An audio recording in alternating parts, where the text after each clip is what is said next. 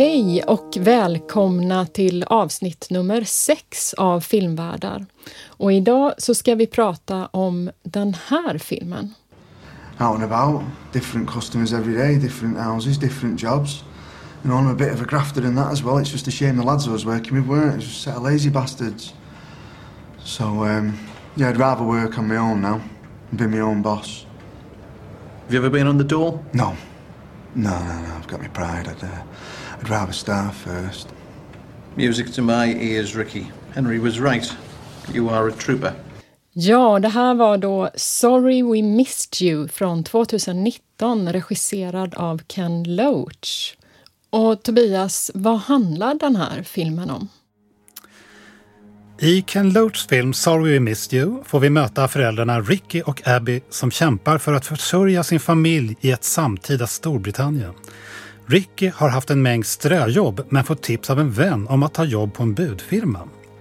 Han blir tvungen att skaffa sig sin egen skåpbil för att som arvoderad egenanställd kunna sköta firmans dagliga leveranser av paket. Samtidigt kämpar hans fru Abby för att kunna hinna med sina dagliga sysslor i hemtjänsten. Sysslor som är hårt reglerade av ett minutiöst schema. Barnen ser inte mycket av sina föräldrar och medan dottern Liza Jane kämpar för att minska friktionerna i familjen gör sonen Seb uppror. De hårt pressade föräldrarnas vardag rasar bit för bit samman. Om vi då skulle återvända till klippet som vi lyssnade på i inledningen utav avsnittet. Vad säger du om det klippet, Tobias? Eh, vi hör någonting som ska föreställa en anställningsintervju. Mm. Där en av filmens huvudpersoner då söker ett jobb på en budfirma. Ja, och han presenterar sig ju väldigt mycket som den här skötsamme arbetaren. Knegaren eh, har de ju översatt uttrycket med då. Um, och den här nya bossen säger att det är ljuv musik mm. i mina öron. Att han hellre skulle uh, svälta ihjäl än att gå till a-kassan. Mm. Så man kan ju säga att Ken Loach sätter ju redan inledningsvis så hamnar vi i den här nya arbetssituationen för Ricky. Och i den här filmen så vill ju Ken Loach sätta strålkastarljuset på vad som skulle kunna kallas den nya gigekonomin. Ja, precis. Och Eh, det gör han ju då utifrån en lång karriär också kan mm. man säga som, som filmskapare och regissör där han har eh, skildrat eh, i socialrealistisk anda, han brukar kallas för socialrealismens mästare inom filmen, den, den brittiska arbetarklassen. Så mm. det, och det handlar ju mycket om den brittiska arbetarklassens nya arbetsförhållanden i den här filmen. Då. Och vi kan ju säga det innan, innan vi också pratar om lite kort inledningsvis vad Eh, Eh, den här nya gigekonomin eh, går ut på att eh, Ken Loach då har, har, som jag sa, gjort sådana här filmer. Och han är ju känd för filmer som till exempel Riff Raff, Looking for Eric, My name is Joe och eh, inte minst I, Daniel Blake som vann eh, Guldpalmen i Cannes och som ses av många som en föregångare till den här. Den är ju från 2016 den filmen mm. som handlar om utförsäkring. Så han går ju vidare på, på det temat här väldigt mycket och att han också eh, gör filmen någon sorts italiensk neorealistisk anda och eh, en av hans stora, stora idoler är ju den italienska regissören, filmregissören Vittorio De Sica eh, och eh, framförallt hans Ladri di biciclette då, eller Cykeltjuven eller Cykeltjuvarna som det borde bli på svenska. Men den här mm. filmen sätter han då, som du mycket riktigt nu säger, fokus på den nya gigekonomin. Mm. Jag tänker att han gör detta på ett intressant sätt filmmässigt. Jag har ju gillat en hel del av Ken Loach filmer, men måste säga att jag på senare år tröttnade lite på dem. Mm. Men tycker att här är han ju tillbaka verkligen i sitt esse. Ja, verkligen. Uh, och jag måste säga att efter att ha sett den här filmen, uh, alltså de gånger jag har sett den, så har jag varje gång känt mig som att jag är i en sån här stålbur och känner en fysisk stress i kroppen. Så han är otroligt duktig på att få en att känna sig som att man är med den här familjen under den här resan. Ja, alltså han är ju så bra när han är som bäst också på att inte bara skildra sociala problematiker och så att säga samhällsstrukturella problem, men också relationer och individer alltså mm. alltså individuella karaktärer. Och det tycker jag också i den här filmen att han kommer tillbaka så starkt till. För jag har också lite som det haft lite så här trötthetskänsla ibland, en del av hans filmer som har blivit nästan för dokumentära på något sätt. Ja, ja. Men här är det ju helt briljant skådespeleri får vi väl Ja, ändå säga. verkligen. Och hon som spelar Abby då är ju en amatör. Alltså Mm. hon har ju plockats upp av Ken Loach men hon spelar ju helt fantastiskt. Och barnen.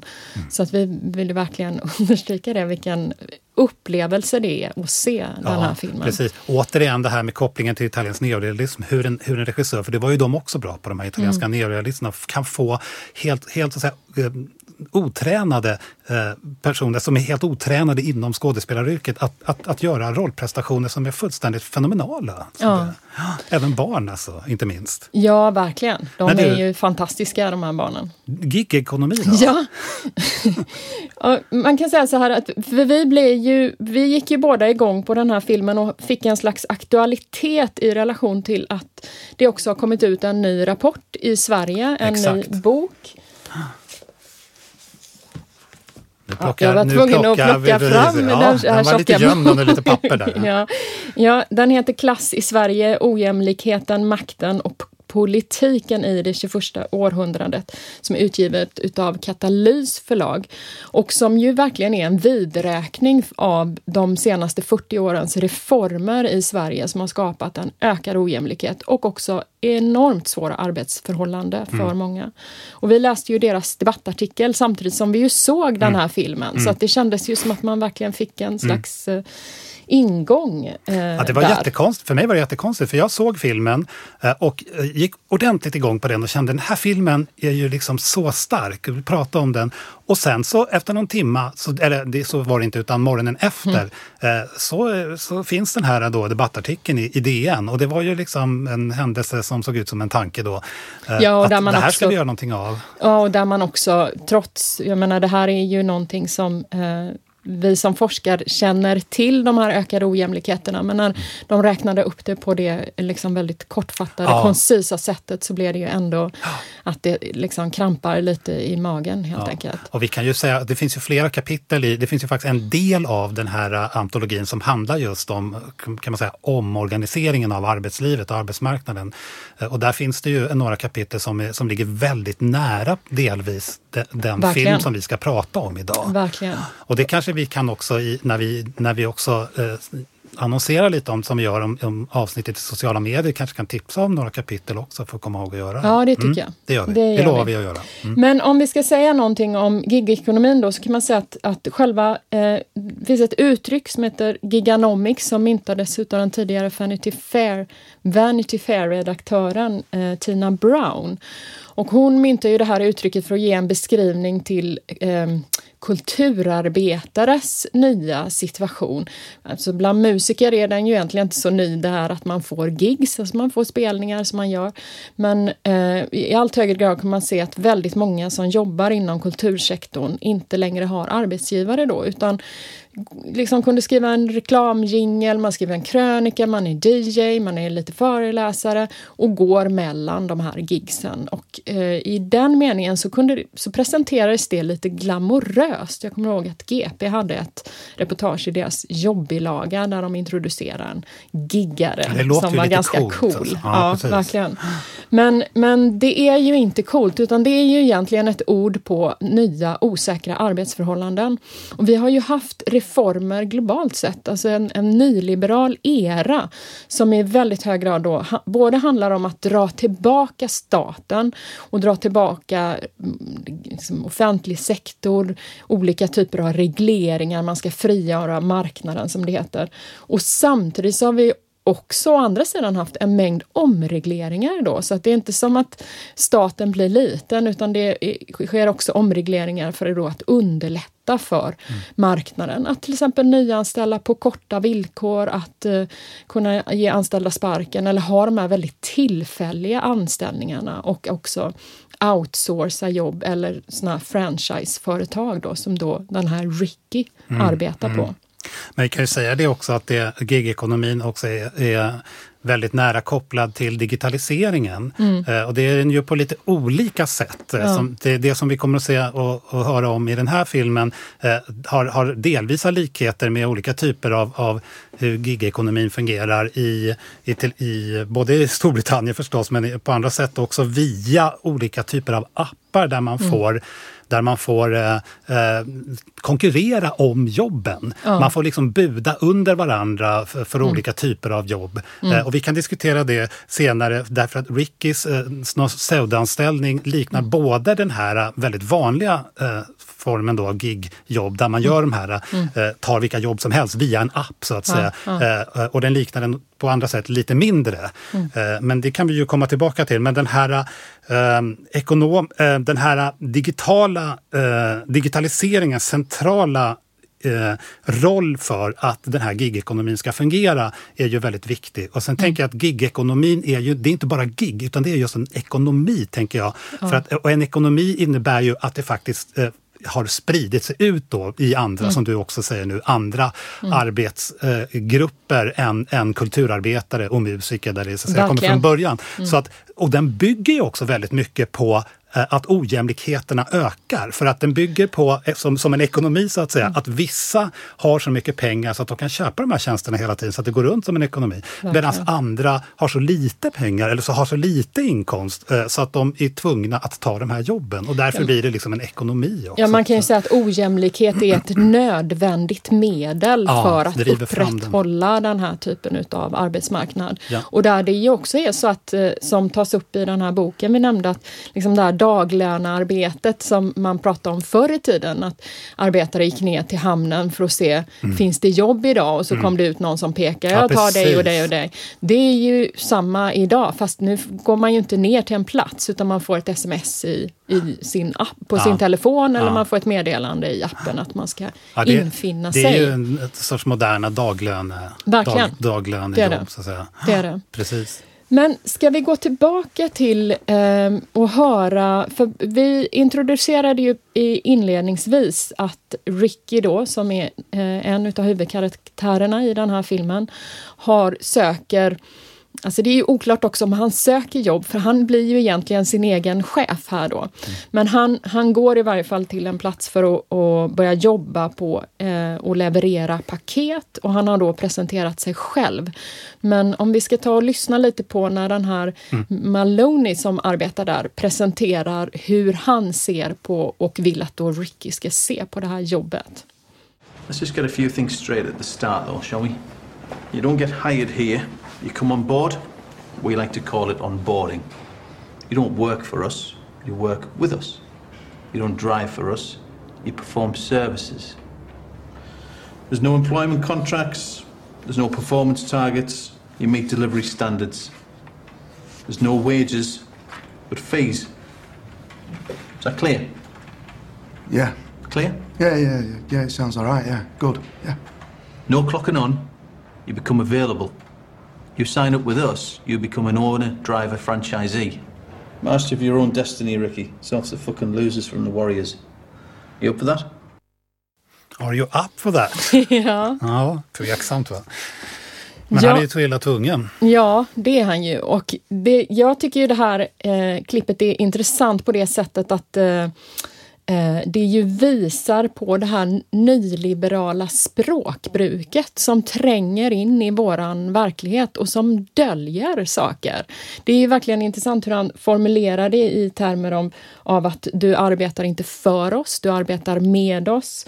Eh, han säger, nu kan jag inte översätta detta, men you don't drive for us, you perform services. Ja, precis. Ehm, och Ja. att det kallas onboarding. Och det finns ju ett helt, alltså även den här gig, giganomics, att man är en giggare, är ju som en slags cool beskrivning av någonting som egentligen är ett prekärt arbetssituation.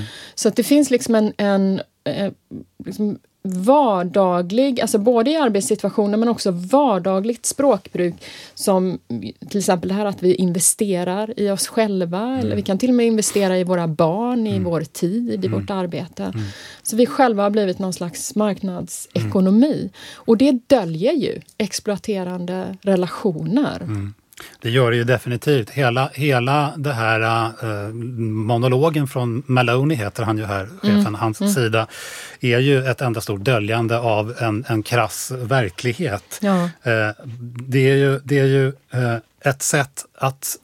all, all, allt han säger handlar ju om att, att han som representant för arbetsgivaren avskriver sig allt ansvar och lägger det på, på Ricky då som ja. egenföretagare.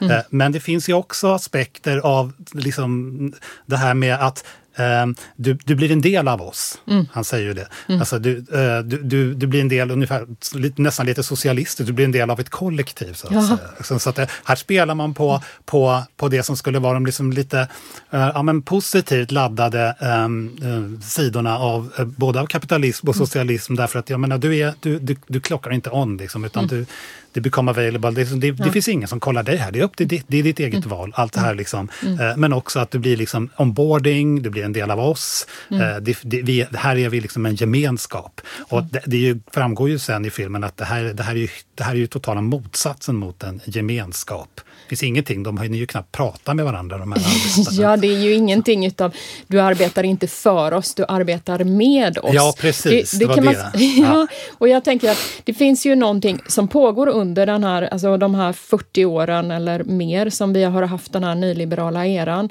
Um, vi som är lite äldre kommer ju ihåg uh, SAS-direktören när han pratade om det här, man ska riva pyramiderna, vi ska mm. få bort hierarkierna. Mm. Uh, och det talas mycket om att vi, nu har vi liksom inte, nu har vi nätverk istället och vi ska fördela makt och sådär. Men det är ju inte det som har hänt, utan vad som har hänt är ju att man koncentrerar makt och fördelar ansvar. Och människor får då ansvar utan att få makt egentligen. Och det som händer för Ricky är ju att han får ju ansvar. Mm. Alltså du, liksom hela den här formuleringen, du arbetar inte för oss, mm. du arbetar med oss, mm. är ju ett sätt att egentligen dölja mm. att han är ju fullständigt exploaterad här. Och den här autonomin som skulle komma med att vara sin egen, alltså han, Maloney säger det här, du är din egen lyckas smed, det skiljer losers från krigare. Mm. Det är ju liksom faktum är ju att han är ju helt underställd eh, den här arbetsgivaren. Om inte han dyker upp, liksom, han är ju inte sin egen chef, för dyker han inte upp så får han ju böter. Men jag tycker det paradoxala, eller det nästan jätte, väldigt, väldigt märkliga här, är ju liksom att till och med det nyliberala språkbruket utnyttjas ju här. Mm. Alltså i, i, i någon sorts, nästan på ett sätt som, som, som, som inte ens stämmer överens med den verkligheten mm. om den skulle ha fungerat som bäst. så att mm. säga. Att, det vill säga att ja, men här är du din egen lyckas med, du, du, du är din egen företagare. Eh, och det är ju, det är ju väldigt mycket liksom en, ett nyliberalt språkbruk som, som går igenom och en mm. nyliberal syn på hur samhället ska mm. fungera. Så att säga, till slut ska vi allihopa bli våra, våra egna företagare vi är mm. den typen av, vi har, vi har det totala hundraprocentiga ansvaret för oss själva och vår mm. ekonomi. Mm. Eh, men han får ju i princip, egentligen är han ju då eh, du är ju inne på det nu också, mm. som i, i praktiken inte ens sin egen företagare i någon reell mening. Ja. Så, och det betyder ju lite grann att, att det, liksom, det finns en ännu mer krass... Alltså det, den här nyliberalismen försöker ju dölja så att säga, sin egen logiska slutpunkt i ja, det här men så är det ju verkligen. På, så, det, så är det ju verkligen, därför att å ena sidan pratas det om frihet, men det är ju inte frihet för var och en. Det är inte frihet för en sån som Ricky, utan den nyliberala liksom, ideologin och liksom, praktiken har ju alltid haft den sidan av å ena sidan avreglering för de mm. som har mycket och för företagen eh, och en väldigt sådär, övervakande, kontrollerande sida gentemot fattigare människor och arbetare. Mm. Och det kommer ju bli tydligare här. Mm. Så jag tänker att vi går över och tittar på, eh, eller lyssnar på, eh, blir det ju, eh, ett klipp där Ricky då har börjat på sitt arbete. Han har fått eh, skaffa sig en skåpbil för att köra ut de här paketen för att det blev väldigt dyrt för honom då att hyra. Han är ju sin egen chef då som lån, hyr in sig på det här eh, företagets varumärke kan man säga.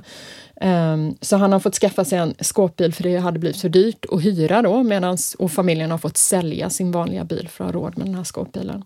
Och det är en lördag så han har med sig dottern då på den här resan. Och han har ju fått det som är navet för hela arbetet kan man säga. Nämligen en scanner som innehåller all information om, det är GPS, det innehåller all information om paketen, det innehåller all information om hur han ska köra eh, och kontrollerar honom varje steg på vägen under hans dag.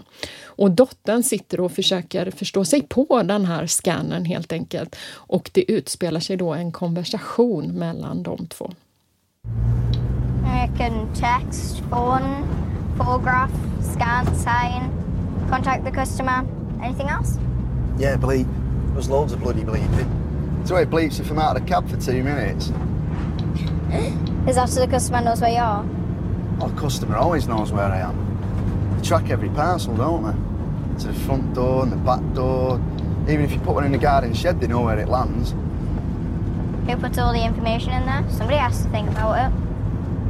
A robot or an, an app, a computer program.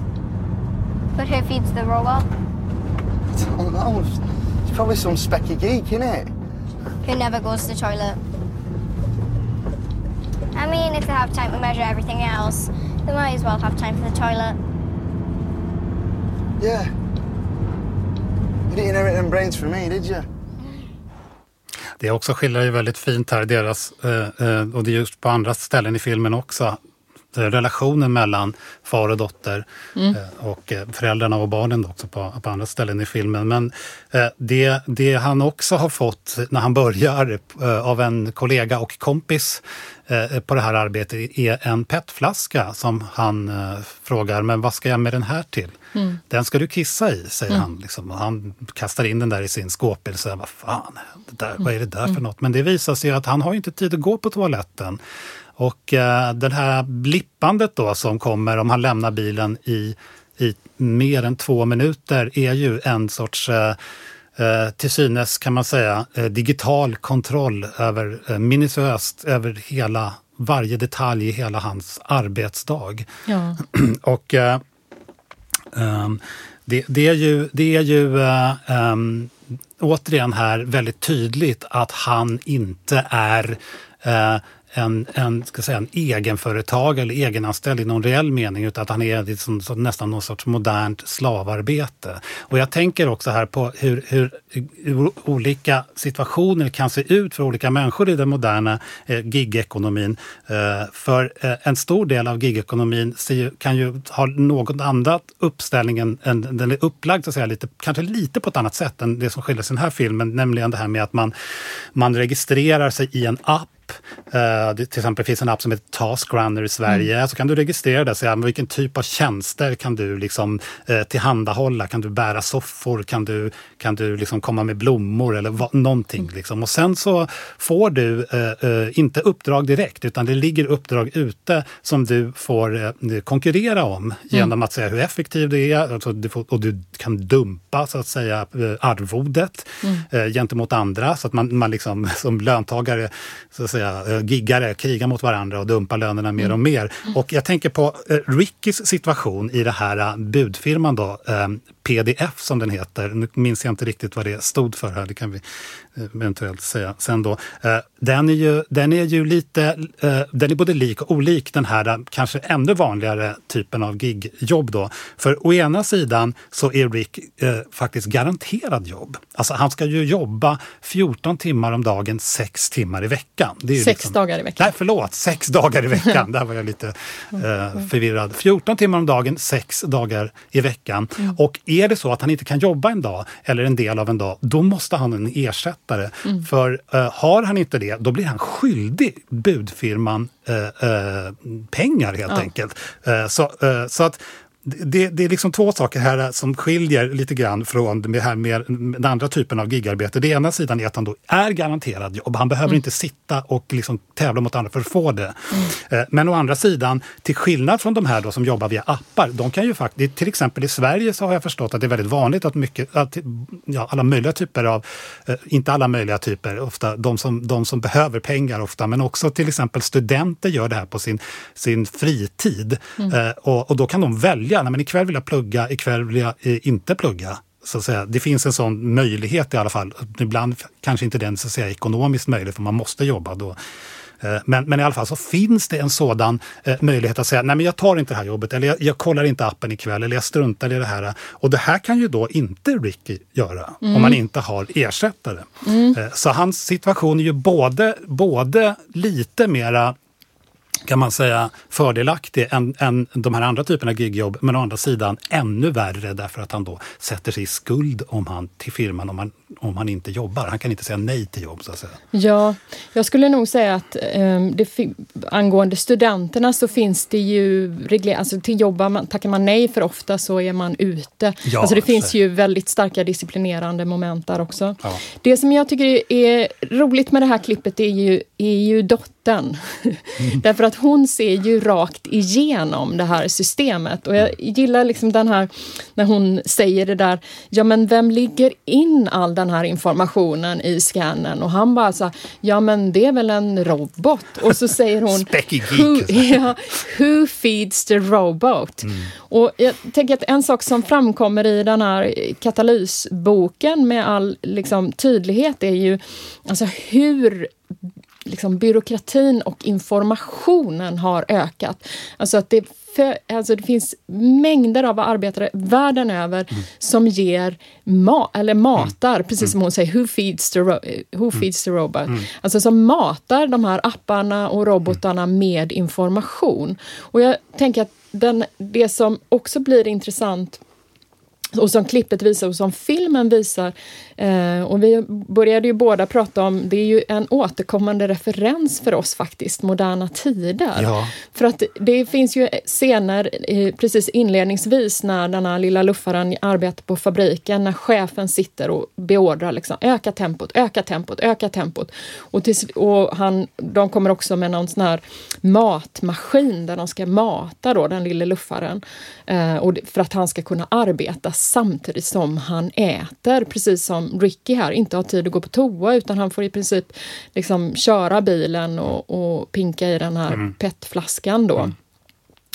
Eh, så att liksom den här idén om, som verkligen är en myt, om att det löpande bandet är borta och att den här liksom övervakningen som ju fanns alltså i den här Moderna Tider-filmen, att chefen sitter och kontrollerar då att och bandet ska mm. gå snabbare och snabbare. Mm. Det är ju en myt, för att det är, ju, det är ju starkare än någonsin kanske, men på ett helt annat sätt. Och där, precis som vi var inne på tidigare, där tekniken är helt central mm. i den här ständiga, ständiga övervakningen mm. av människor. Mm. Men även Rickys fru har ju en osäker arbetssituation, eller hur? Ja, det har hon ju. Hon äh, arbetar ju inom hemtjänsten, alltså omsorgssektorn. Mm. Äh, och hon äh, har ju en typ av anställning. Jag tycker inte att det framgår i filmen om det är en privat aktör som hon arbetar för eller om det är eh, någon mer alltså, New Public Management, offentlig inriktning. Men hur som helst så har hon ju en, en anställning där hon bara, en nolltimmesanställning där mm. hon bara får betalt för eh, den tid som hon tillbringar hos eh, eh, omsorgstagarna. Ja, inte, och, inte ens i den meningen, nej, för hon det, får bara tid för exakt. den tid som de har ja, sagt att precis, hon ska så tillbringa. Så tar det längre tid om någon har, vilket, det gör, vilket man ju får se i filmen, mm, då, liksom, mm. Eh, av olika anledningar, att någon mm. behöver mer hjälp, då, mm. då då får hon inte betalt för det. Och hon får Nej. inte betalt för resorna hon måste göra mellan de här. Nej. Och hon har ju, som, som, du nämnde också, de har ju blivit, hon har ju blivit av med sin bil då, så hon får ju åka buss emellan. Ja. Men jag tänkte och det, att, ja. ja, och jag tänker att det också är viktigt att hon, hon liksom, den effektiva tiden hon jobbar och får betalt för är, är kanske relativt låg. Ja. Men hon jobbar ju precis som Ricky, ja. 14 timmar om dagen. Ja, det finns alltså, ju, det är ju långa ja, arbetstider. Vi ska ju höra ett klipp snart här, mm. hur, när hon pratar om sin arbetsgivare. Men, men det finns ju en annan scen där hon talar med en av, en, en av de här så kallade klienterna då, ett, av, mm. ett uttryck som inte är så kul och som hon själv eh, tydligt visar att hon inte alls tycker om. Eh, men eh, där den här eh, kvinnan då som hon tar hand om ser hennes arbetstider som är alltså från 07.30 på morgonen till 21.00 på kvällen med, mm. med viss då, där, där det är inlagt pauser mitt på dagen. Men det är mm. liksom då hon ska arbeta mellan de här och då säger mm. den här kvinnan då, som hon tar hand om, vad hände med åtta timmars arbetsdag? Och det här är precis lika långa dagar som, som som Ricky har. Ja, men, men sig. glapp då där hon ju inte får betalt. Så Nej, precis. Liksom... Och, och, och de här glappen som hon också faktiskt använder till att uh, fortsätta jobba därför att de behöver så mycket mer hjälp, många av de här ja. omsorgstagarna, ja. Än, än, än, det som är så att säga budgeterat för. Ja. Och det kan vi ju höra på det här nästa klippet där hon har varit hemma hos en klient. Eh, och det här eh, besöket, eh, för det är ju ett tajt, man ser ju, man, vi får ju förstå väldigt tidigt att när hon är hos de här klienterna så är det ett extremt tajt schema. Hon sitter ju och fyller i papper samtidigt som hon matar, samtidigt som hon ska ge mediciner. Så att det är inte generösa scheman utan hon ska ju snabbt, snabbt, snabbt hinna få upp dem ur sängen, ge dem deras mat, ge dem deras medicin och gå. Mm. Men vid det här besöket då så har det gått eh, så har det inte gått på det sättet som det var tidsplanerat för. Nej. Och hon ringer ju sin chef för hon har eh, behövt vara där en timme längre.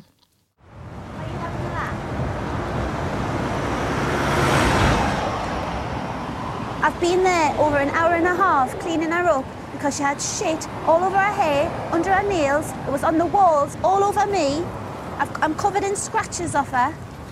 So what do you think, what am I supposed to do? Just leave her? She's not a difficult uh, client. She's, she's very vulnerable and she needs more than what she's getting, actually. And I've told you this three times already. Nobody listens to us, so I'm just going to give the, make the call myself.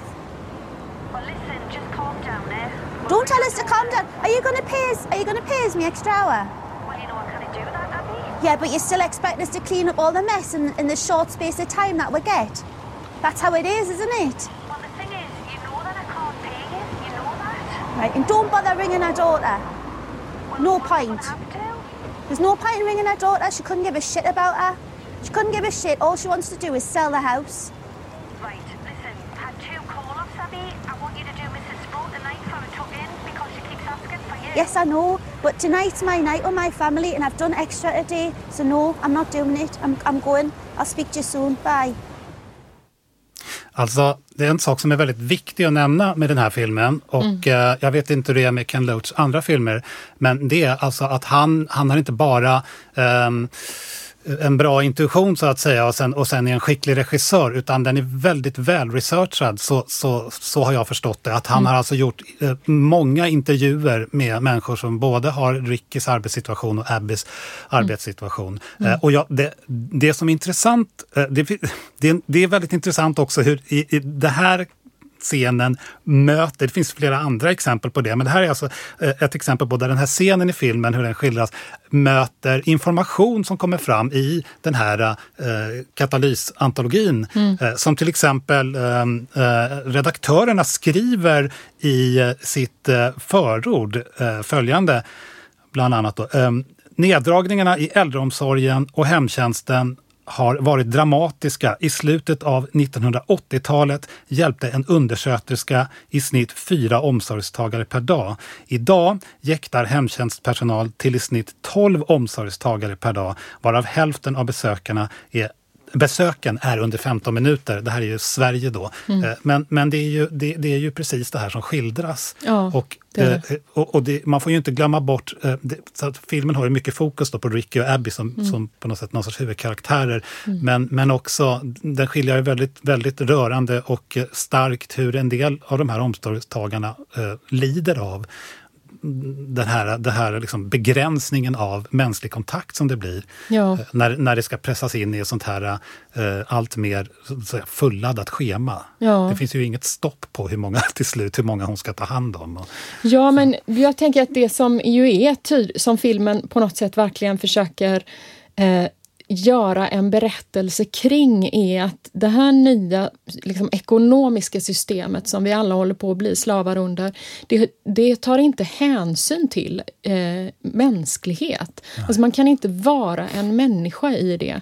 Eh, och det blir ju i synnerhet tydligt när hon ska möta sina klienter som, där hon kanske är den enda människan de träffar mm. överhuvudtaget. Och hon ska snabbt, snabbt, snabbt göra maten, se till att de äter, få upp dem ur sängen. Och de gör ju motstånd. De försöker ju, alltså de reagerar ju inte på att, för hon försöker ju verkligen i, i det här klippet efter eh, hon har liksom pratat med sin chef, så pratar hon med en kvinna som också som har hört alltihop på busshållplatsen. Och så säger hon att hon har en grundregel och det är att behandla de här äldre som om det vore hennes mamma. Och hon är ju själv förtvivlad för hon har ju tillbringat en timme med att tvätta den här kvinnan. Mm. men hon har ju fortfarande fått lämna henne i ett tillstånd som mm. inte känns bra. Och hon, det finns ett annat tillfälle när en äldre kvinna puttar ner maten, ma ja, maten på golvet. Och, alltså försöker, och det är någon klient som inte vill gå upp och sådär. Så att de försöker göra motstånd för att få henne att stanna längre. Och det är ju för att de behöver mm. någon slags mänsklig kontakt. Men mm. i det här rationella systemet är det, okej okay, vad behöver de? De behöver komma upp, upp ur sängen, de ska äta sin frukost, de ska få sina mediciner och sen ska du gå. Men det här, det här systemet är ju en fundamentalism på det sättet mm. för att allting som handlar, det handlar om är ju maximeringen av så att säga, profit och att, mm. att utvinna så mycket arbetskraft som möjligt så att säga mm. ur, ur människor som i princip fungerar då som maskiner. Och i och med att det är så att säga, det är en fundamentalism därför att det handlar eh, eftersom det inte finns något annat som har på något sätt ett intrinsikalt värde kan man säga. Nej. Underligt nog, för pengar borde ju inte ha ett intrinsikalt mm. värde, de ju, borde ju vara ett medel till någonting annat. Så, så mm. är det ju liksom själva, det är ju inte pengar, det är ju liksom tillväxten som är. Eh, men, men i och med, med, med att det är det enda som har ett sådant värde så blir ju allt annat bara liksom, ja visst hinner du med, fint om du kan ge dem en klapp på kinden och sådär. Eh, men också samtidigt som det kommer fram i filmen här att men de ska inte ens bli, de ska ju inte ens bli knyta kontakt närmare till. Hon säger ju det. Mm. Uh, och, och, och, därför är i det här systemet uh, det är det jag menar med att det är en fundamentalism. Att det, det, det finns ingen möjlighet att, att mänskliga relationer och närhet och mänskliga behov uh, skulle kunna ha något, något så att säga, genuint värde. Nej. För, det, för det, det, det, funkar inte, liksom, utan det, det måste ryka, det måste ryka mm. på, på effektiviteten och tillväxtens, tillväxtens altare om det är så att det måste det. Ja. ja, för vi får ju se en scen där Abby sitter och pratar med en klient och hon säger ju, det är ju samma klient som faktiskt säger det här, vad händer med åtta timmars arbetsdagen? Ja. För då sitter hon och lyssnar på den här personen då som berättar om Eh, och visa fotografier från förr i tiden när hon var fackligt aktiv eh, och när de hade strejker och liksom kämpade för högre löner och bättre rättigheter och så. Och jag tänker att, att berättelsen om Abbys arbetssituation um, för Rickys situation, han är, han är ju bara ensam i sin skåpbil och snabbt, snabbt ut med paketen och den här eh, scannen då som blippar bara han lämnar bilen mm. någon minut. Liksom. Eh, men hon, hennes arbetssituation visar ju ändå möjligheten, alltså hon försöker ju stjäla sig till mänsklig kontakt och att det är liksom i den här mänskliga kontakten och i den här kollektiva närvaron som någonting annat kan ha möjlighet att mm. växa fram. Mm. Precis. Men båda de här två kommer ju under filmens gång. För man kan ju säga att när vi möter dem så är ju han lite hoppfull då, Ricky, eftersom han tänker att bara jag får det här jobbet eh, och skåpbilen och jag kan köra jättefort och jag kommer tjäna pengar och vi kommer kunna köpa ett hus. Vi ska inte behöva hyra utan vi kommer köpa ett hus. Så han är hoppfull. Men sen dras ju liksom... Snaran åt, kan man säga. Verkligen! Mm. Det blir ju... Det, för det är ju inte så. Det här är ju inget golden opportunity. Han blir ju inte sin egen lyckas med. Han kommer ju in i ett maskineri, mm. verkligen, som slukar mm. honom. Uh, och det påverkar mm. hela familjen. Och det som får det här att börja tippa är ju sonen Sebs uh, uh, kan man säga, reaktioner och revolt Mm. Där han börjar skolka från skolan och börjar gå ut och uh, skriva graffiti, spraya graffiti. Ja, och, ja. och det där uh, eskalerar lite grann därför att han också hamnar i bråk i skolan och han också det här är mitt, mitt, favorit, mitt favorituttryck, det här kan vi komma tillbaka till sen, men, men, men han stängs av och han också blir tagen för snatteri och sådär. Uh, och då, då, då ställs ju situationen på sin spets. Mm. Därför att det visar sig att varken Abby eller Ricky har ju tid. De kan inte, de får inte, de får, kan liksom inte finna tiden därför att de hela tiden är uppbokade med sitt jobb. Mm. Att, att, ta hand om honom och vara hemma som, som de skulle behöva. Och det finns ju en, en, en scen då där Ricky eh, ber sin arbetsgivare, kan man väl ändå säga att han är då, mm. slavdrivare Maloney, mm. om att få bara en vecka ledigt. Mm. Han har ingen, ingen ersättare, ingen som kan köra för honom, men han ber ändå om att få en vecka ledigt. Ja. Därför, och beskriver på ett väldigt, väldigt liksom ingående och eh, övertygande och, och ska man säga, rörande sätt hur svår situationen börjar bli där hemma. Mm. Eh, och med tanke på hur eh, det lät i början de första klippen när vi spelade den här Malonis då, eh, så att säga, nyliberala diskurs, språkbruk, ja. så att säga, eh, eh, så, så är det här klippet intressant. För det vi får höra nu är ju Malonis svar på det här. Och mm. det låter ju... Svar på hans begäran om att få ledighet. Svar på begäran om ja. att få ledigt. Och ja. då låter det så här. I had four drivers in here last week. First driver sleeping on his mate's couch because his wife's kicked him out. Second driver, his sister had a stroke. Third driver, he's got fucking piles, needs an operation. Fourth driver, his daughter tried to commit suicide. I can go on. See, at some point, every family is going to have a problem. My old man was a farmer, milked cows. Do you think he got a day off? Three days. You know, please, that, that day. Everyone in this building knows I am nasty bastard number one, but I am greatly misunderstood. All the complaints, the rage, the anger, the hate, I soak it all up. I use it as fuel. And with that energy, I create a protective shield around this depot. This depot with the best performing figures in the country, bar none. Do you want to know I'm number one? Because I keep this happy. All the houses you go to, all the faces you see, the people you speak to. Has anyone ever genuinely asked you how you are? They couldn't give a shit if you fall asleep at the wheel and go head on into a bus. All they care about is price, delivery, and the item in the hand. And all of that gets fed back into this box. And this box is in competition with all of the other little black boxes around the country. And it's that what decides the contracts. This decides who lives and who dies. I want Apple, Amazon, Samsung, Zara here for my drivers and your families. This place might look like a shithole, but this depot is a fucking gold mine. The shareholders should erect a statue in the car park of me, Maloney, patron saint of nasty bastards. You want a day off? It'll cost you a fucking hundred pound to go. Jag ja. gillar inte Maloney. Nej, alltså det här är ju ord och inga visor kan man säga. Och när han säger där this så pekar han ju på den här scannern då som har den här centrala mm. biten i Rickys arbete. Och jag tycker det här klippet visar ju på så tydligt Alltså den här, att det verkligen är en myt om att det löpande bandet är borta, om att den här övervakningen och kontrollen är borta, att människor liksom arbetar fritt och de är sina egna entreprenörer. Alltså han är ju satt under järn, mm. benhård kontroll och att man använder den här tekniken för att mm. verkligen utvinna mm. mervärde mm. ur de här arbetena varje sekund. Mm. Ja, det är den som ska tillfredsställas, som han säger.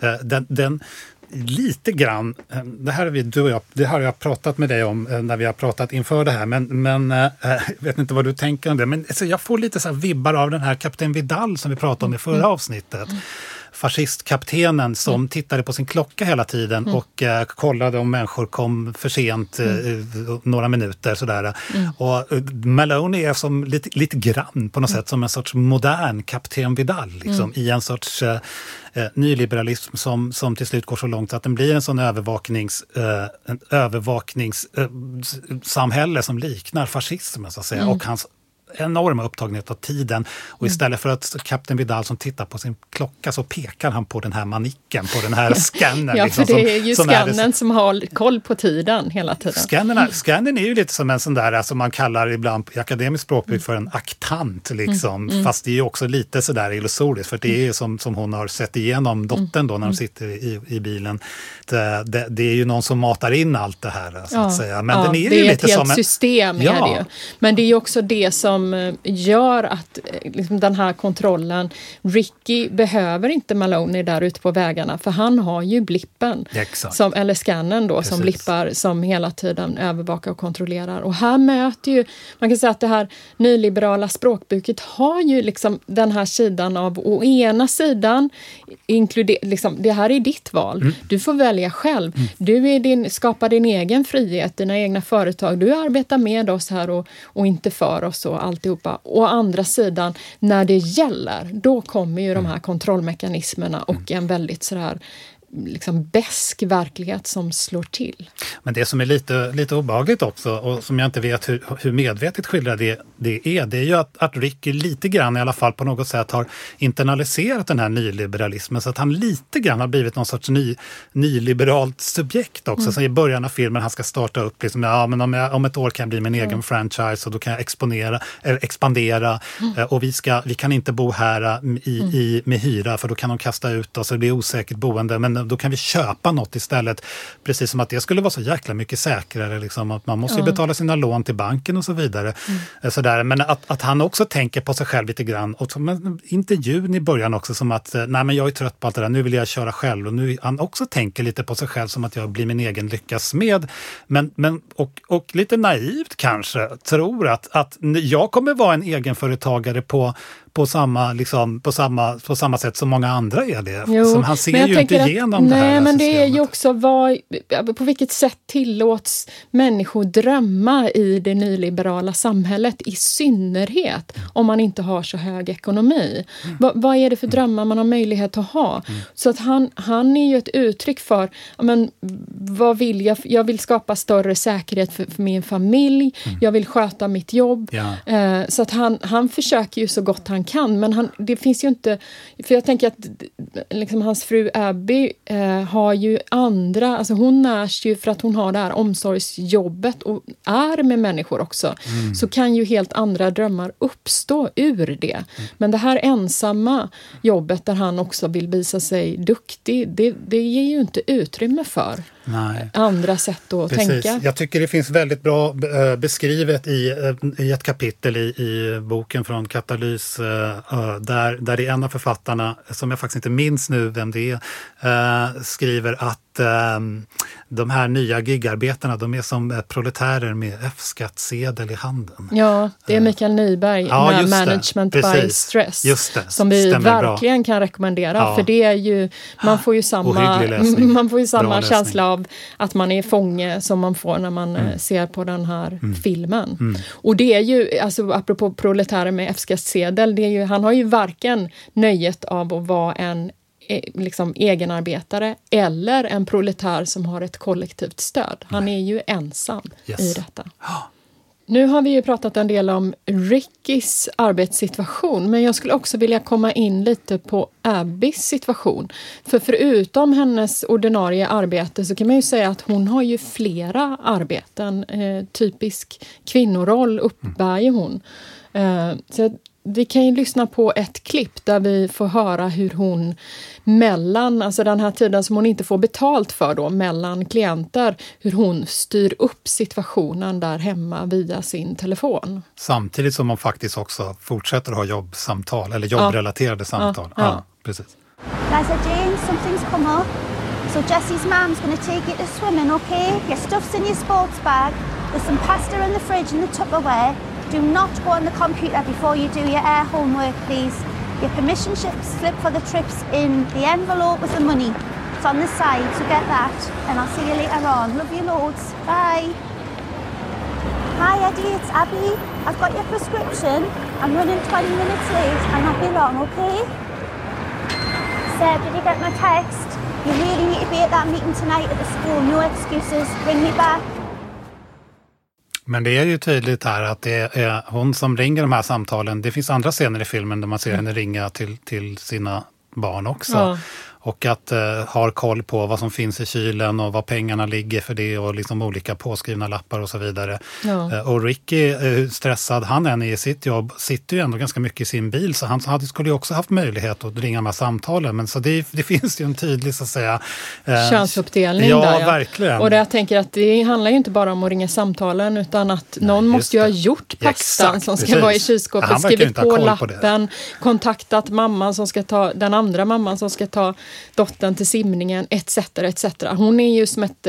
Så att jag tänker att hon, alltså att hon bedriver, förutom sitt ordinarie jobb, så bedriver ju hon ett liksom, hu huvudansvar för allt hushållsarbete och, och där det gör hemma. hon ju också på ett... Hon bedriver ju också på... Ja, det gör hon ju faktiskt, mm, men mm. hon bedriver ju också så ett psykologiskt arbete ja. när det börjar uppstå så småningom konflikter i familjen där, där Ricky är, eh, bara reagerar med att bli liksom mer och mer... Han triggar ju upp situationen gentemot sin son till exempel. Verkligen. Och där får hon gå in och göra det här liksom, eh, väldigt psykologiskt, ganska, ganska på sätt hårda arbetet där ja. hon får liksom ta tag i honom också. Liksom, Verkligen, för hon har ju, det är ju som att hon har de här tre, det arbete hon får lön för, hushållsarbetet och det emotionella, emotionella arbetet. Ja, det är bättre än psykologiska. Precis, som, precis. Som, som ju äger rum både hem, på hemmafronten men faktiskt också på hennes arbetsfront. För hon ja. måste ju använda sig utav sina emotionella kunskaper för att liksom också ge stöd till de här personerna hon möter möter och ger dem värme och mm. omsorg.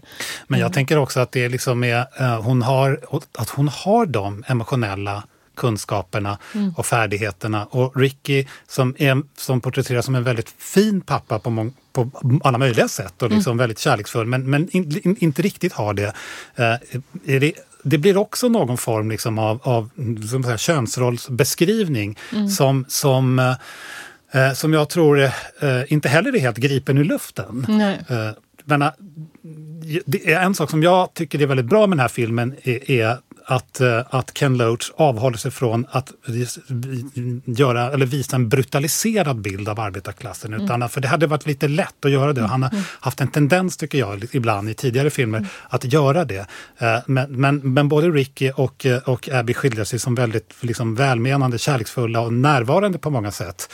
Föräldrar och människor. Mm. Men, men det finns fortfarande liksom ett inslag av att det, dels en könsrolls så att säga, beskrivning, att, mm. att Ricky är liksom liksom lite den här eh, tjuriga mannen som trissar upp eh, situationer trots att det också hänger ihop med att han är så pressad som han är. Eh, mm. men, men jag kan inte låta bli att fundera över om det också är så att det finns liksom ett, ett element av skildring av en arbetarklass som liksom är lite grann jag vet inte, det här är kanske lite lite, lite, fel, jag vet inte, det är mer en spekulation, men att det är, en, alltså det är någon sorts arbetarklasskille som, som, och han pratar mycket fotboll, det gör mm. ju många av uh, Ken Loachs karaktärer, mm. liksom, som, som på något sätt är lite um, avlägsnad från sin emotionella sida, trots att han faktiskt är en väldigt då fin, ja. fin pappa på många sätt. Så har han, han, inte är, verktygen på nej, samma men Han sätt. blir ju lite ensam. Alltså precis som ja, han blir ensam det. i sin bil så är det ju ett ögonblick där när de har grälat och det har varit spänd stämning. Eh, men de liksom sitter på sängkanten och försöker komma överens. Men hon,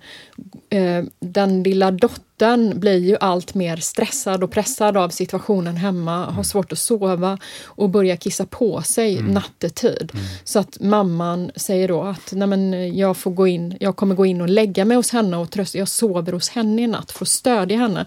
Och så får man ju se hur han sitter kvar på sängen. Han hade ju varit oförmögen att ens mm. tänka att vi, ja, man kanske måste sova bredvid dottern. Ja, men han är så tjurskallig också. ja. För att han har ju bråkat jättemycket med sin son. Ja, det har han gjort. Så han är ju upptagen utav det. Ja, det men han och... blir ju ensam i det kan man säga. Ja, det blir för han. Det, för det som, händer, alltså det som ju filmen skildrar väl är ju hur, där, hur snaran dras åt och hur barnen då reagerar på väldigt olika sätt. För att vi har ju å ena sidan då dottern som försöker också lite i liksom som en, en, spegelbild av mamman, försöker hålla ihop familjen. Hon, det finns, vi får se scener när hon plockar undan disken.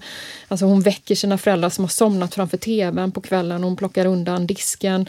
Hon väcker sin storebror på morgonen och säger att du måste gå då till, nu måste du gå upp, mamma har ringt och sagt att jag ska väcka dig. Liksom. Trots att han är storebror så är det liksom lilla syster som har koll då och väcker. Så hon är ju omhändertagande och väldigt orolig när de här bråken börjar eh, komma till stånd. Medan sonen blir ju eh, agerar ju ut mm. och gör revolt. Alltså mm. Alltså han, han blir ju frustrerad mm. över hemmasituationen, att föräldrarna jobbar hela tiden, mm. att de är så pressade och så mm. trötta som de är. Eh, så att det börjar ju med att han blir utkastad från skolan, men mm. sen så har han ju varit och blivit tagen av polisen. Mm. Och Ricky har fått åka dit eh, och ha det här samtalet, alltså, och få böta då för han är inte, mm. Ricky kan inte vara på sitt jobb för han måste stödja mm. Seb hos polisen. Mm. Och på kväll, för att eh, Seb har snott då eh, såna här sprayburkar. Så på kvällen blir det ju en konfrontation då mellan Ricky och Seb. Eh, där ju Ricky är jättearg för han, han, det här kostar ju honom pengar att han inte är på jobbet. Mm. Uh, och han är arg och frustrerad för att han inte når fram till sonen och för att sonen uh, snor sprayburkar och inte då, han är ju avstängd från skolan men han ska ju sitta hemma och plugga på ett onlineverktyg vilket han uppenbarligen då inte gör. Nej. Så att vi kan väl lyssna på det här, uh, det här bråket ja. mellan de två. This year's a really important year for you, Seb, and I hope you paid attention today. It's make or break for you. You've got to stop messing about all the time. Will you put your phone down? I'm listening to school multitasking. I'm not going to ask you again. But you do. Seb, cut it out, please. Put it down. Oh, yes. I hope so. Do you understand what a conviction means? Fuck's sake, man. What? Lads out here nowadays, what? Stealing motorbikes, carrying knives selling drugs, what, all free shitty cans of paint. Less than 15 quid. We don't steal in this family. It was a chain store, not a corner shop. Seb, that doesn't make it okay. What's going to happen next? Do you know every course you apply for, every job you apply for, every form you ever fill in? Do you know how much you've cost us today? £100 for a replacement driver, plus a day off, and not to mention a sanction. You just don't give a shit, do you? Put your phone down. Listen to your mother. Calm down on all this stress. Right, things are going to change around here. First thing in the morning, you're going to school every day without exception. No, you won't do that, Dad. Put me in a straight jacket. Oh, you are going to school. Because I've had it up to here with you. Ah, I get it. Gonna wrap me up, put me in a parcel, put me in the back of your van. What, special delivery? Right, that's it. You get your phone back when you go to Get my phone! Fucking Get my phone! Come on! Get my, get my phone back! Get fucking warning you! Get back! Get out! Biggest mistake you've ever done your fucking life! Yeah. You'll pay it, I swear! Get out!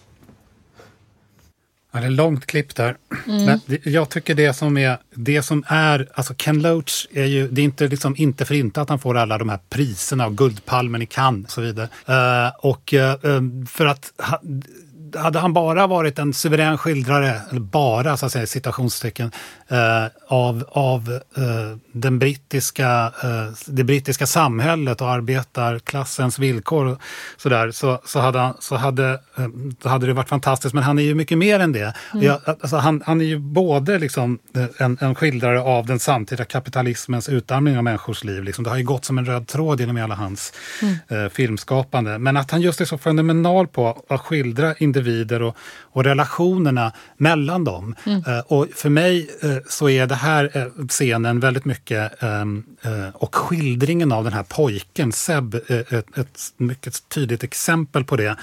Ehm, för att Seb är, är en, en kille, en 15-åring som är lite på glid men, men samtidigt eh, finns en oerhörd förståelse för honom märker man liksom i sättet han skildras på. Mm. Eh, hur det här eh, um, det här uh, det graffitin som han håller på med, de här taggarna mm. som han gör, liksom, hur mm. viktigt det är för honom. Och han är ju liksom en konstnär in spe, det är liksom uppenbart. De ser ju mm. det sen föräldrarna, de sitter och tittar då i en bok med hans konstnärsbilder där och olika grejer han har gjort. Och, och att han har snattat då, då har han ju snattat de här sprayburkarna, men det är för att han ska kunna göra det här det, liksom, viktig, för han- viktiga han vill- handlingarna. Ja, han vill ju få utlopp för sin kreativitet. Ja, han vill, och han vill, ju- han vill protestera också. Mm, han, Han, vill, han har ju någon form av politisk medvetenhet, fast den är, helt, eller, den är inte så medveten. Men det Mm. finns där så att säga, någonting som håller på att växa fram. Så att det finns Ja, en sån som är i den också. här väldigt roliga dialogen där när pappan säger i vår familj själv vi inte och han bara, Ja. men alltså det var från Ja. en kedja och inte en närbutik. Ja, precis. Exakt. Och det, men det som jag också tycker är så, det finns en genialitet som filmskapare hos Ken Loach, så att man inte glömmer bort det liksom, att, att, i, i- allt det här liksom, sociala engagemanget, är ju hur, hur kan han få fram äh, en kille, den här killen här, den, som spelar den här rollen, han har inte gjort någonting innan. Eh, hur kan han få fram, så att säga, hur kan han få den här killen att spela på det här sättet? Den här tonåringen som är å ena sidan fullständigt slipad i att hantera sin, sin ilskna pappa. Liksom. Han kör ju runt så- hans, hans entoniga liksom, sätt att svara på. Liksom, Ja. och, eh, nästan arro, väldigt arroganta på något sätt. Liksom, och som en teflonpanna. Och samtidigt så lyser det hela tiden igenom att han är så oerhört känslig och att han älskar sin pappa något så oerhört. Det får vi också När- se senare. Ja, så Ricky råkar ju ut för att bli misshandlad och hamnar på, liksom, han ska till sjukhuset och sen frågar han, har du pratat med Seb? Frågar han sin fru då, Abby. Och han, hon säger att ja, men han bara frös. Och det finns en så fin scen sen också där, där, där Seb frågar om, om eh, Ricky behöver någonting, liksom, där han kommer knacka på dörren på natten till deras sovrum.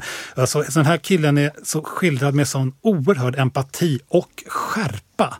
Och det tycker jag att jag, för mig kanske det är så att, han, att jag tycker att Ken Loach nästan har fokuserat lite mer på honom än på, på, på eh, Liza Jane, då, dottern. Men där hon är också skildrad hennes sätt att vara duktig på. Att ta på sig en sorts könsroll och kvinnlig roll här också. En, i, i en, inte en dysfunktionell familj, men en liten dysfunktionell miljö. När hon, som du beskrev tidigare, så duktig på eller gör sig duktig, är ju också så fantastiskt Ja, det är det ju. För man kan ju säga att man ser ju den här pojken eftersom han är ju utåtagerande. Och han försöker ju få ett utrymme. Och jag tycker i den här formuleringen som han säger tillbaka till sin pappa, eh, när pappan säger att nu ska du till skolan, så svarar ju han, ja, vad ska du göra? Ska du paketera mig och skicka mig som ett expresspaket? Och jag tänker att det är ju, ett, det är ju en slags revolt också mot den situation pappan befinner sig i. Att pappan är ju paketerad och runtskickad i det här systemet och inte längre en människa.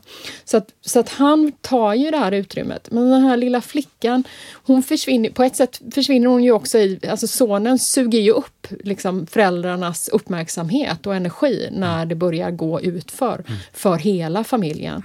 Eh, men hon, den här flickan, gör ju vad hon kan. Hon vill ju bara att allting ska bli bra och att alla ska vara hemma.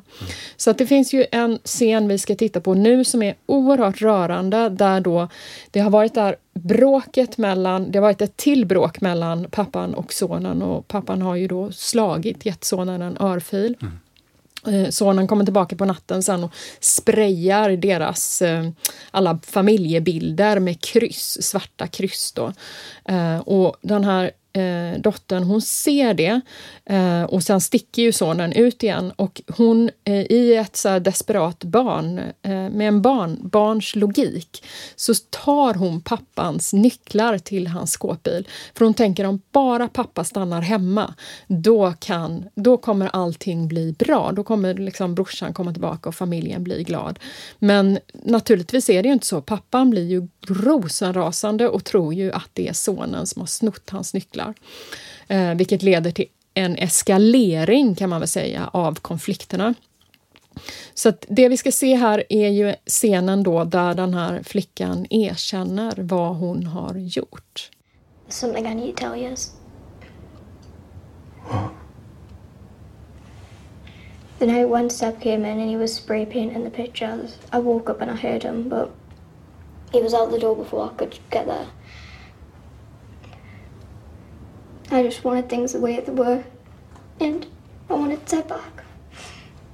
So I thought that if I took your keys, things might go back to normal. Oh, darling.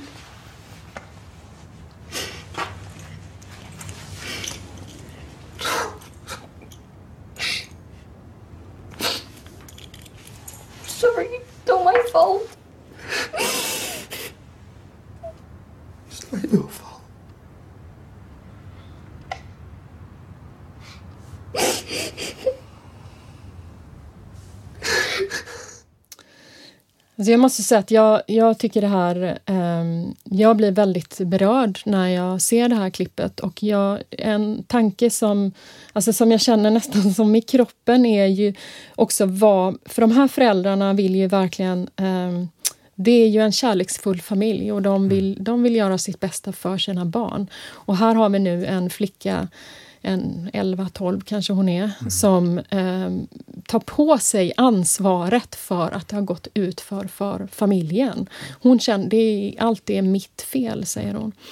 Och jag tänker att det här, det här samhället som han skildrar så väl här och de här arbetssituationerna och vad det gör med mm. barnen som får växa upp i detta med föräldrar som inte har tid att vara närvarande, som är ständigt för trötta, som har den här, som jag tycker att man nästan känner fysiskt när man har sett filmen, som har en slags stress i kroppen som bara tar över dem, liksom. där, där det bara är för mycket. Mm. Uh, och hur det, hur det, vilka konsekvenser det mm. får för barnen. Mm. Och hur, hur upprörd, alltså när jag såg filmen så blev jag också så, jag blev både så oerhört djupt ledsen men så upprörd över det här äh, så kallade systemet som, som, som leder till att människor som älskar varandra inte har tid att vara med varandra. Mm. Och de säger ju det. Mamman i filmen säger ju, Abby säger ju liksom, jag har inte tid att vara med mina barn överhuvudtaget. Det är för mm. lite. Mm. Ja. Och när Ricky försöker få tid för sina barn så får han ju den här äh, galna chefens svar då. Liksom, mm. att, kan du glömma. Mm. Inte ens när, inte ens när, Ricky, förlåt, inte ens när, när eh, Seb sitter på polisstationen och polisen säger att du måste, någon förälder måste komma hit, annars så går det inte bra här. Mm. mm. Så då, det struntar han fullständigt i, den här chefen. Så att det här att, att, att i ett sånt här system eh, så får människor inte tid för varandra. Det Nej. är väldigt, väldigt men jag tänker i relation då, eftersom vi också har nämnt den här eh, boken då från Katalys om ojämlikheten i Sverige, så tycker jag att någonting som den här filmen eh, gör och som den eh, boken gör när man läser det, är ju att verkligen visa på mm. det här systemet är orimligt och vi behöver mm. någonting annat. Mm. Vi, och inte bara att vi behöver det, vi, alltså det är helt nödvändigt. Mm. Annars så kommer det, det är ohållbart. Liksom. Och det måste hända nu. Ja, det måste hända nu och det är ju tillbaka till, alltså vi måste tillbaka till en mobilisering av människor och i en svensk kontext så behöver vi ju börja prata om klass det helt enkelt igen eh, och de här ökade ojämlikheterna.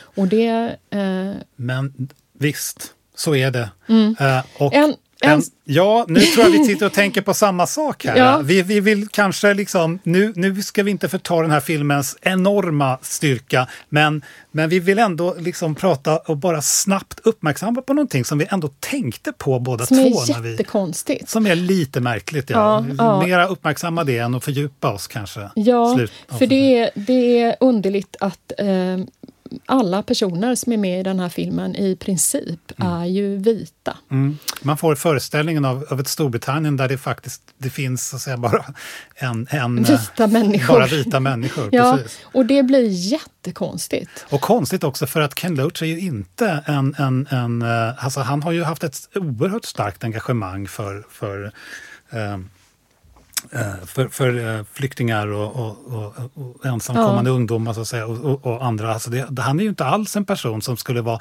ha någon sorts rasistiska tendenser på något sätt. Nej, det men det, det, blir märkligt också utifrån att arbetarklassen är ju också rasifierad. Ja. Um, så att, att göra, det är klart man kan berätta det om en, om en vit arbetarklassfamilj, men att alla i omgivningen, för alla som kör de här bilarna, alla klienter hon går till är vita. Det blir något, det, mm. det är nästan som att man har vaknat upp i en ny märklig värld. Um, så att det är liksom bara, jag behöver inte fördjupa det, Nej, men precis. bara att det är konstigt och jag vi reagerade här, på det. Vi alla som är vita mm. i ett mångkulturellt samhälle eh, kan lära oss någonting på det sättet av den här filmen också och alltid fundera ett varv till på vad vi kanske tar för givet, mm. trots att vi förhoppningsvis inte när eh, föreställningar att människor är olika på, av grunder som är så att säga felaktiga eller som inte är rimliga. Så bör vi kunna tänka ett varv på oss själva också. På ja, men jag tänker att den här bristen på, eh, liksom att bristen på skådespelare alltså skildring av andra erfarenheter i den här filmen blir också en påminnelse av vikten av att vi behöver få fler berättelser. Och med det så lämnar vi den här filmen för idag och hur den slutar får ni se själva. Men en som faktiskt eh, berättar om ett mångkulturellt Sverige, det är ju regissören Gabriella Pyssler. Ja, och jag såg ju hennes film Äta, sova, dö 2013 som ju också handlar om arbete och älskade den filmen. Det var en sån här film som jag gick ut ur biografen med och kände mig så eh, upplyft och glad över att ha sett. Uh, och sen pratade vi om att titta på amatörer ihop, uh, mm. eller var och en för sig, men att ett förslag att ha mm. den till podden. Och du blir ju jätteförtjust, du jag också. Jag blir jätte, jätteförtjust. Ja. Och det betyder att nästa avsnitt handlar om den filmen. Om amatörer, ja. Och ja. det ska bli så roligt. Vi gillar ju den verkligen, båda och, två. Ja, och därmed vill vi tacka er som har lyssnat idag. Ja. Och jag vill tacka dig Katarina ja, för att tack. det är så kul att prata med dig. ja, detsamma. ja. Och vi ses ju nästa gång och vi hoppas att ni vill vara med och lyssna på oss då.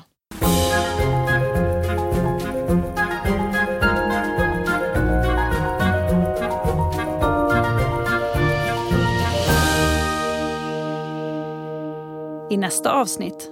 Jag har en rätt så spännande, rätt så stor fråga att ställa till er. Och det är, vem av er skulle vilja rädda ett samhälle?